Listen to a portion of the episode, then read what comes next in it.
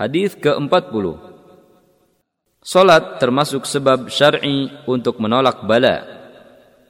عن حذيفه رضي الله عنه قال كان النبي صلى الله عليه وسلم اذا حزبه امر صلى Dari Hudzaifah radhiyallahu anhu ia berkata Dari Hudzaifah radhiyallahu anhu ia berkata jika Nabi dibebani sebuah masalah yang berat maka beliau salat Hadis riwayat Abu Daud dan dihasankan oleh Al-Albani Perawi hadis Lihat hadis nomor 4.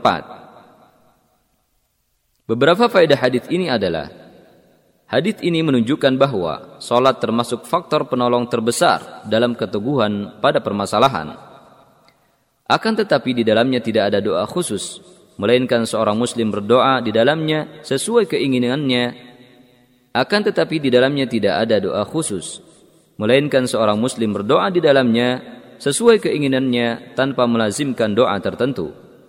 Hal ini telah dibenarkan oleh Allah dalam firman-Nya, "Wasta'inu bis-sabri was-salah, wa innaha lakabiratun illa 'alal khashi'in."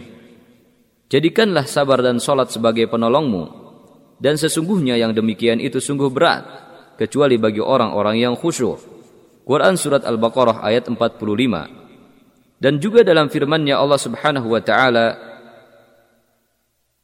dan juga Allah Subhanahu wa taala berfirman, "Ya ayyuhalladzina amanu ista'inu bis-sabri was-salah, innallaha ma'as sabirin." Hai orang-orang yang beriman, jadikanlah sabar dan salat sebagai penolongmu. Sesungguhnya Allah beserta orang-orang yang sabar.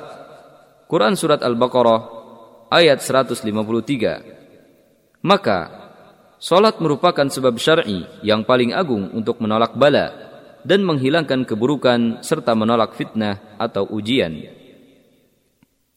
Hadis ini menjelaskan bahwa pemimpin para nabi dan kekasih Tuhan semesta alam melakukan sholat jika ia ditimpa urusan yang berat, maka kita wajib meneladaninya dalam hal ini.